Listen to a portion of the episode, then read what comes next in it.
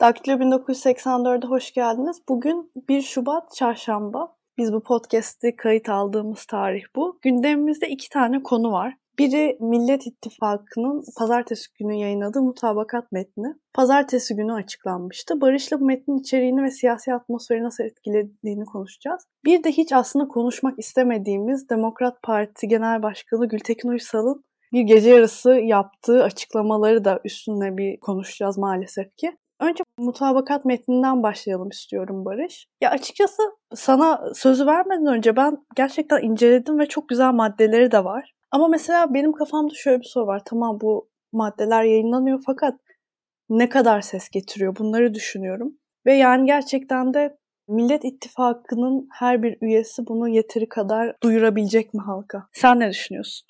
Öncelikle geçen hafta tam bunun üzerine konuşmuştuk ve onun üzerine tamamlayıcı bir yayın olacak. O yüzden geçen haftaki yayınımızı da dinleyebilirler sayın dinleyicilerimiz. Şöyle giriş yapayım hemen. Dediğine katılıyorum. Benim en büyük korkum, oradan olumlu bir şeye bağlayacağım. Benim en büyük korkum burada açıklanacak metnin ki bazı kısımlarını duymuştum, bazı kısımlarını görmüştüm. Bu metnin benim bildiğim kısımları dışında çok fazla jenerik, çok fazla genel, çok fazla bir yere değinmeyen bir metin olarak kalmasıydı. Böyle bir endişem vardı ama onun dışında şunu söylemiştik geçen hafta. Bu metin ne olursa olsun, ne çıkarsa çıksın, ne kadar genel olursa olsun mevcut AK Parti yönetiminden çok daha akılcı, çok daha liyakate dayalı, çok daha ülkeyi kalkındıracak bir düzleme çek çekeceğinden emin olduğumuzu söylemiştik. Açıkçası metin en önemli özelliği bir son derece kapsamlı, iki son derece spesifik olması. Şimdi bundan daha ötesi bir spesifik bir parti programı ya da vaat bekleyemeyiz. Yani siz şunu diyemezsiniz. İlk 3 ay işte atıyorum repo faizini yüzde bilmem kaçtan bilmem kaça indiriyoruz. Oradan şuna çekeceğiz, buradan buna gidiyoruz diye bir durum olmaz. Siz vaatler kısmında yönetim anlayışınızı, yönetim stratejinizi ortaya koyarsınız. Şimdi biraz iyi yanından bakalım önce. İyi yanlarını kimsenin de hakkını yemeyelim. Yeri geldiğinde eleştiriyoruz çünkü. Bu anlamda son derece spesifik ve gerçekten neredeyse hayatımızın her alanına değinen hani ben tabii ki daha çok gençlere yönelik yapılan vaatleri inceledim ama diğer e, kısımları da okuduğumda gördüm ki her noktaya değinen bir kapsamlı bir reform, bir yönetişim anlayışı paketi bu. Bu birinci güzel yanı. İkinci güzel yanı bütün partiler bu kadar spesifik olmasına rağmen, bu kadar detaylara inilmesine rağmen bu konuda hemfikir olmuş. Yani aday kim olursa olsun biz şu an hayatımızda belirli değişikliklerin olacağını biliyoruz. Hatta şöyle arttırayım. Burada sayılan değişiklikler zaten bizim Türkiye'den beklediğimiz ne diyeyim toparlanma emarelerinin %80'ini oluşturacak. O kadar kapsamlı ve o kadar spesifik. Dolayısıyla aslında bir anlamda adayın kim olduğuyla ilgili kazanma ve kazanamama potansiyeli dışında bir bağımlılık ilişkisi ortadan kalktı. Yani bunu kabul edecek bir aday olacak tabii ki altılı masa sonuçta aday göstereceğine göre. Bu metni okumuş. E zaten şu an hani Kemal Kılıçdaroğlu biraz daha öne çıkmış gibi gözüküyor. Bu kısma da geliriz zaten. Kim olursa olsun bu metnin üstüne imzalayacak ve biz aslında bir gününün 24 saatini ele alalım siyaseten. Bunun 20 saatinde hangi işlerle uğraşacağını bileceğiz. Bu çok güzel bir güvence. Üstelik bu bilinen işlerin normalde arasında kriz yaşama potansiyeli yüksek partilerin anlaşmasıyla ortaya çıkmış. Yani e, çeşitli durumlarda anlaşmazlık ihtimalini de ortadan kaldıran bir metinle yapıldığını gördük. Çünkü dediğim gibi benim korkum bu metnin genel olması. Dolayısıyla bu iş pratiğe döküldüğünde oradaki partilerin ya biz işte eğitimi kapsayıcı hale getireceğiz maddesinden bunu kastetmemiştik gibi tartışmaların çıkması. Ama şu an çok güzel bir madde var örneğin. Oradan devam ettireyim örneği. KYK yurtları geliştirilecek Şayet devlet öğrencilerine KYK yurdu sağlayamıyorsa onun yerine öğrencinin bulacağı konaklama imkanına destekte bulunacak. İşte bu maddi destek olabilir, başka anlamda destek olabilir. Çok spesifik. Şimdi eğitim, işte Milli Eğitim Bakanı'nın KYK'nın başında işte sanırım Gençlik ve Spor Bakanlığı var. buradaki bakanlığın yol haritası belli. Kim atanırsa atansın. Bunlar güzel şeyler, bunlar güzel güvenceler. Devam edelim. E, partilerin anlaşmasının iyi olduğunu söyledik. Ve üçüncü olarak da çeşitli durumlarda bazı ne diyelim geri adımların olduğunu gördük. Şimdi en büyük tartışma örneğin İstanbul Sözleşmesi'nin adı niye geçmiyordu? Şimdi bakın burada siyaseten de biraz anlayışlı olalım. Orada çok net bir şekilde belirli bir ne diyeyim katılırsınız katılmazsınız. Yani bence İstanbul Sözleşmesi karşıtlığı çok saçma, çok yapay, toplumda da karşılığı olmayan bir karşıtlık. Onu da söyleyeyim İstanbul Sözleşmesi için. Ama sonuçta bir parti e, bunun isminin geçmesini istemiyor. Böyle dedik diye biz bunun üstünü mü kapattık ya da bunun tamamen vaz mı geçildi böyle bir sözleşmeye dönmekten? Hayır. Oraya adı İstanbul Sözleşmesi yazılmadı. Neden de çıktığımız uluslararası sözleşmelerden döneceğiz dendi. Bu da yetmedi. Sanırım iki tane konuşmacı aklımda kalan İyi Parti'den Ümit Özdağ'le bir konuşmacı daha sanırım yaptı ya da bazıları Halk TV'deki etkinlik sonu yayınında bunu söyledi. İstanbul Sözleşmesi'ne dönüleceğini söyledi. Şimdi ben burada bakıyorum. Şayet bunu yapmak e, masadaki gereksiz ve uzayacak tartışmaları engelliyorsa, günün sonunda bu sözleşmeye dönüleceği aşikarsa ve günün sonunda kazandıktan sonra buna karşı olabilecek birkaç parti zaten bir şey söyleyecek güçte ve hadde olmayacaksa ben bu tarz küçük detaylara takılmıyorum. Sonuçta bunu verilmiş, siyaseten verilmiş bir güvence olarak kabul ediyorum. Dediğim az önce verdiğim örnekler yaşanmasaydı o zaman diyebilirdim yani bu kadar korkaklık olur mu, bu kadar çekingenlik olur mu, kimin bu kadar tahakküm altına girmek olur mu derdim. Ama aslında ortada tahakküm yok ve karşılıklı olarak birçok partinin verdiği taviz var. Yani birçok partinin biz çeşitli durumlarda kırmızı çizgilerini hatta kurulma amaçlarını hatta var olma motivasyonlarını biliyoruz belli politik alanlarında. Bu metne gördüğümde gerçekten iyi niyetli bir şekilde bir orta yolu bulma gayesi görüyorum. Bu çok önemli. Yani altılı masa gerçekten bir mutabakat masası olmuş dedirtti bana açıkçası. Dolayısıyla bu üç noktayı ele aldığımda hemen tekrar edeyim. Spesifik ve kapsamlı olması, altılı masanın ortak bir imzasıyla çıkması ve bu anlamda adaya gerçekten e, bir hareket alanı, bir çalışma prensipleri sunulması, dolayısıyla aday kim olursa olsun bizim neler yaşayacağımızı tahmin edilebilir kılması ve üçüncü olarak da altılı masada partilerin karşılıklı olarak birçok taviz verdiğini ve orta yolu bulma noktasında iyi niyetli olduklarının görülmesi. Benim için metni gördüğümde ilk düşündüğüm şeyler bunlardı. Şimdi bir de olumsuzumsu kısma gelelim. Yani buradan bunlar olumlu kısımlarıydı. Bir de buradan neye dikkat etmeliyiz önümüzdeki süreçte? Aslında geçen söylediğimi bir daha söyleyeceğim. Şimdi çok açık bir şekilde garip bir düzlem oluştu. Ekrem İmamoğlu şehir şehir geziyor her hafta. Bu hafta da Giresun'da olacak. Biz bu programı siz dinlerken belki de Giresun seyahati başlamış olacak. Ee, onun dışında Kemal Kılıçdaroğlu şunu yani seçimden sonra şunu yapacağım.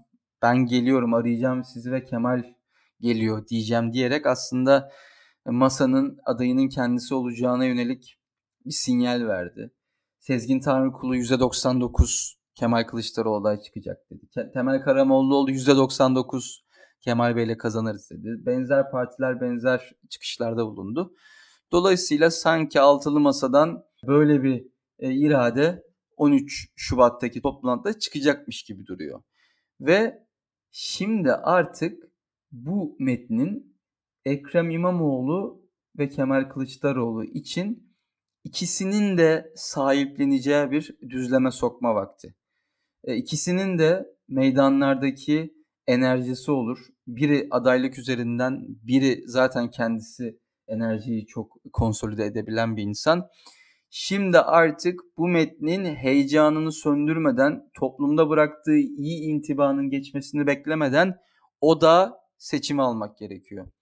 Dolayısıyla gördüğüm olumsuz da demek istemiyorum çünkü henüz daha çok erken. Gördüğüm risk bu. Geçen yayında da bahsettiğim şeyi tekrar ediyorum. Onunla ilgili daha verimizde done yok.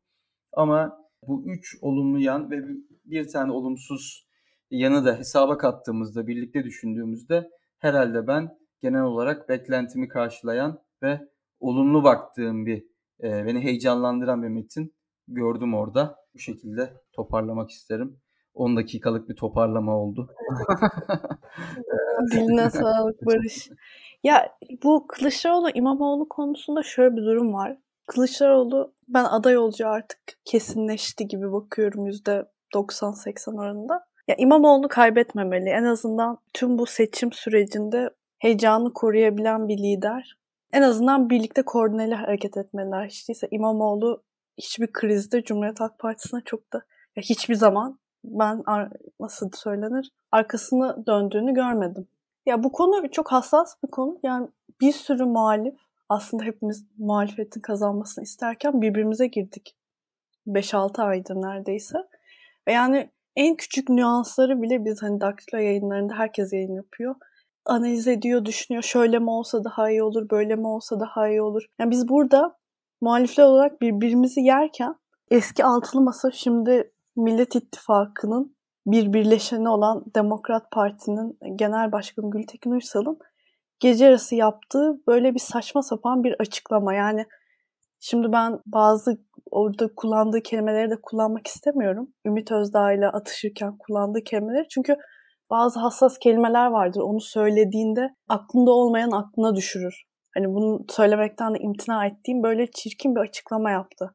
Yani ben bu kadar hassas bir dönemdeyken, bu kadar işte hepimizin gergin olduğu, işte hepimizin muhalefet konusunda şöyle mi olsa daha iyi olur, böyle mi olsa daha iyi olur diye günlerce hatta böyle aylarca tartışırken kendi kalemize gol yemeyi kabul edemiyorum.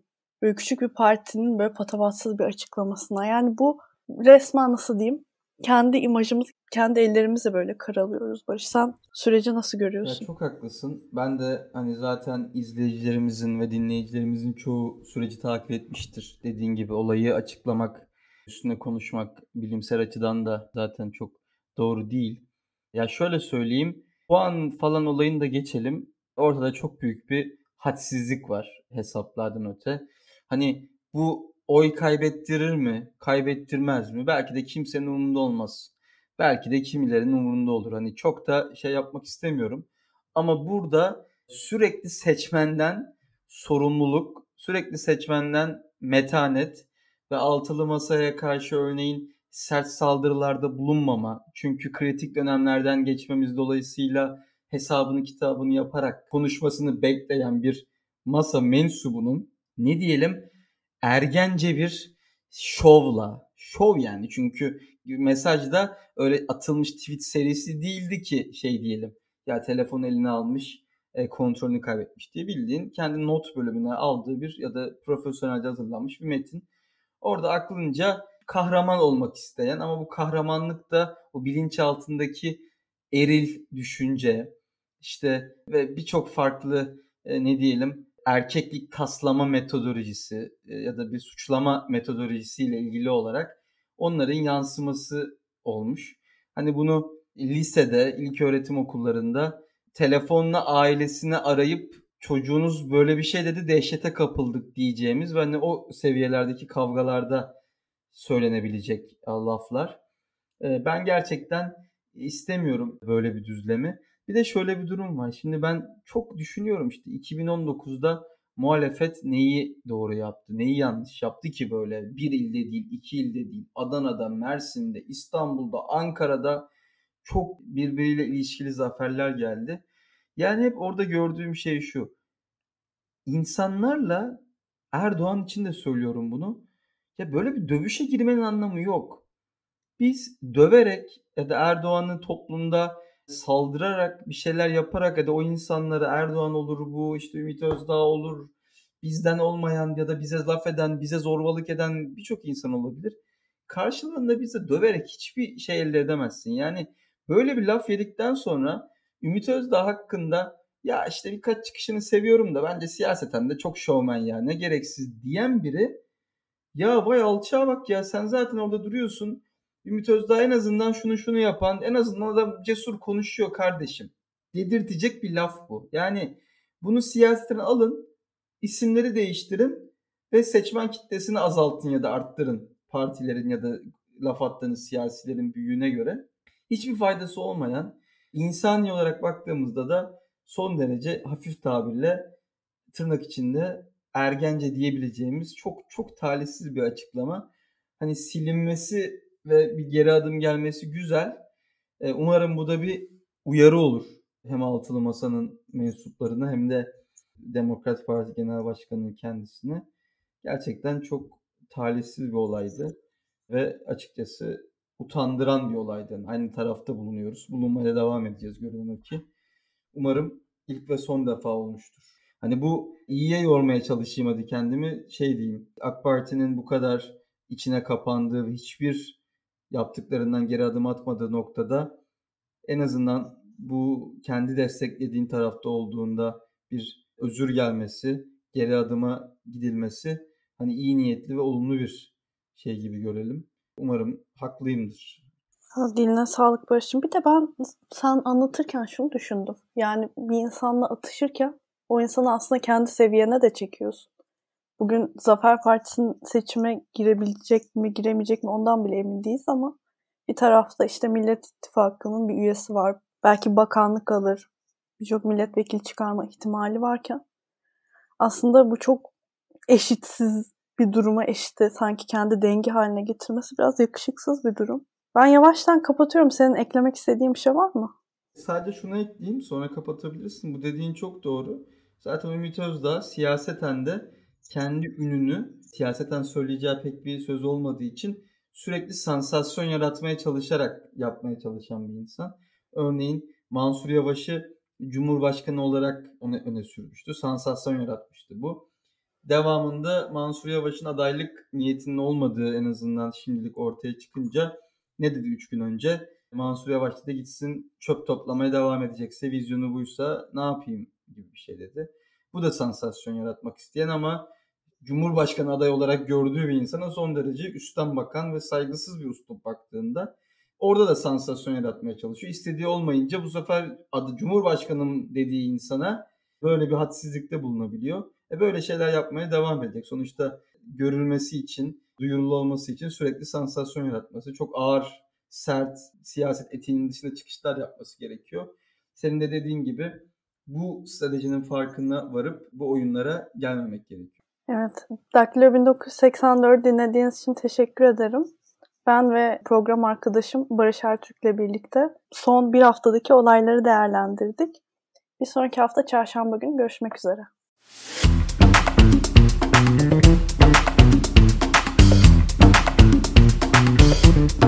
Müzik